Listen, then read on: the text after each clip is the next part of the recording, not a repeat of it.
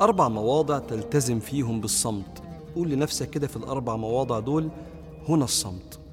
وصمتك في هذه المواضع عبادة هتؤجر عليها. وهي من أرقى التصرفات من الذوق والإتيكيت إنك أنت تصمت في الأربع مواضع دول. فدنيا وآخرة أنت كسبان لو التزمت الصمت. الموضع الأول لما حد يتكلم قدامك. لما حد يتكلم قدامك اسمع فكر في كلامه اتعلم ما تقاطعش. جون جوتمان ده أحد علماء النفس بيقول إن المقاطعة أثناء الحوار من سموم الحوار يعني بتقتل الحوار. تخلي اللي قدامك يتشد. كثرة المقاطعة على فكرة بتدل على التسرع ونقصان أدب الحوار وقلة الخبرة في الحياة. وساعات لما تقاطع كتير بيبقى فرع من فروع الكبر أكنك بتقول اللي قدامك ما عندكش حاجة مفيدة علشان أسمعك. والاستماع الجيد مع الصمت من غير مقاطعة بيدل على قمة الثقة بالنفس بالذات لما نكون مختلفين مع بعض. كأنك بتقول كلامك ما وترنيش حتى لو مختلف مع أفكاري. الوليد بن المغيرة دخل على رسول الله عليه الصلاة والسلام وقال له كلام لا يقبله أي إنسان. لكن سيدنا رسول الله قاعد ساكت بيسمع. قال يا محمد إن كان ما تدعي من النبوة حتى تتزوج زوجناك أجمل النساء. يعني أنت بتعمل كده عشان تتجوز واحدة حلوة؟ وإن كنت تريد المال جمعنا لك المال حتى تصير أغنانا. لو هم قرشين نديهم لك. بص الكلام عامل إزاي. وإن كنت تريد الملك جعلناك ملكا علينا. فلا نقطع أمرا حتى نرجع إليك. لو الموضوع ده عشان تبقى أنت الريس يعني خلاص يا سيدي ماشي. فالنبي ساكت بيسمع. ثم قال أفرغت يا أبا الوليد؟ قال نعم. قال اسمع. بسم الله الرحمن الرحيم. حاميم. تنزيل من الرحمن الرحيم. كتاب فصلت آياته قرآنا عربيا لقوم يعلمون. بشيرا ونذيرا فأعرض أكثرهم فهم لا يسمعون. والنبي بيقرأ بيقرأ لدرجة إن الوليد بن المغيرة حط إيده على فم النبي الشريف وقال ناشدتك الله والرحم أن تصمت. ورجع لقريش وهو متغير. قوة وثبات وإنصات وصمت من رسول الله. لما حد يتكلم قدامك غير كده كمان إن اللي بيصمت أثناء الكلام بيتعلم. لأن نصف العلم صمت واستماع والنصف الآخر عمل ونشر.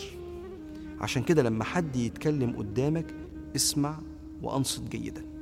الموضع الثاني للصمت لما ما يكونش عندك إضافة جيدة تضيفها في الموضوع. يعني مثلا اتسألت في موضوع أنت ما تعرفش الإجابة. مش تخصصك. ما تتكلمش. أصمت. أو عايز تقول حاجة حد قبلك قالها. أصمت. خد بالك في شهوة اسمها شهوة أنا موجود عايز أضيف أي إضافة وخلاص.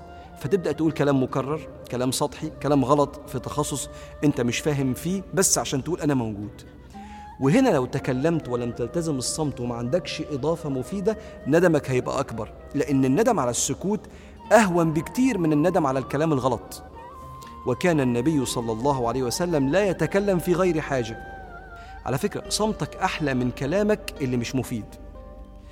لو بتبص على منظرك قدام الناس لو كنت قاعد ساكت هيقولوا عليك يا ريته كان أضاف كان يبقى أحسن أحسن ما يقولوا إضافاته كانت سطحية وفيها جهل. فلو ما عندكش إضافة الصمت. ده الموضع الثاني الموضع الثالث الغضب. الإنسان لما يكون متعصب بيفقد جزء من عقله. والعقل يعني الرباط. عقال الدابة يعني رباط الدابة. لأن العقل بيربط تصرفاتك وكلامك عن الغلط. فلما تتكلم وانت فاقد عقلك لأنك متعصب هتخسر. عشان كده يقول لك القوي الذي يملك نفسه عند الغضب.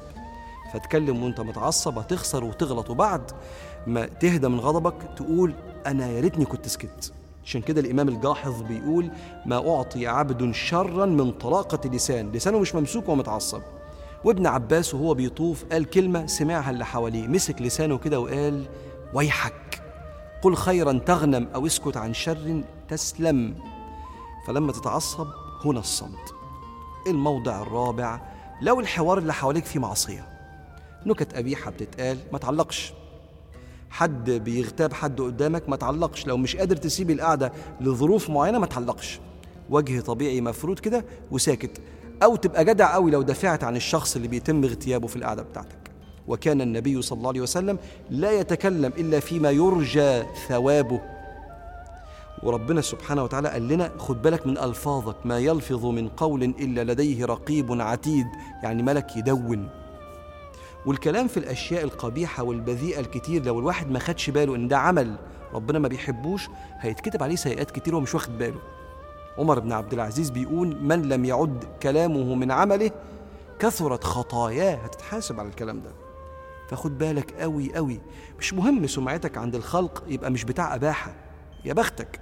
لأنك سمعتك عند ربنا هيبقى المؤمن.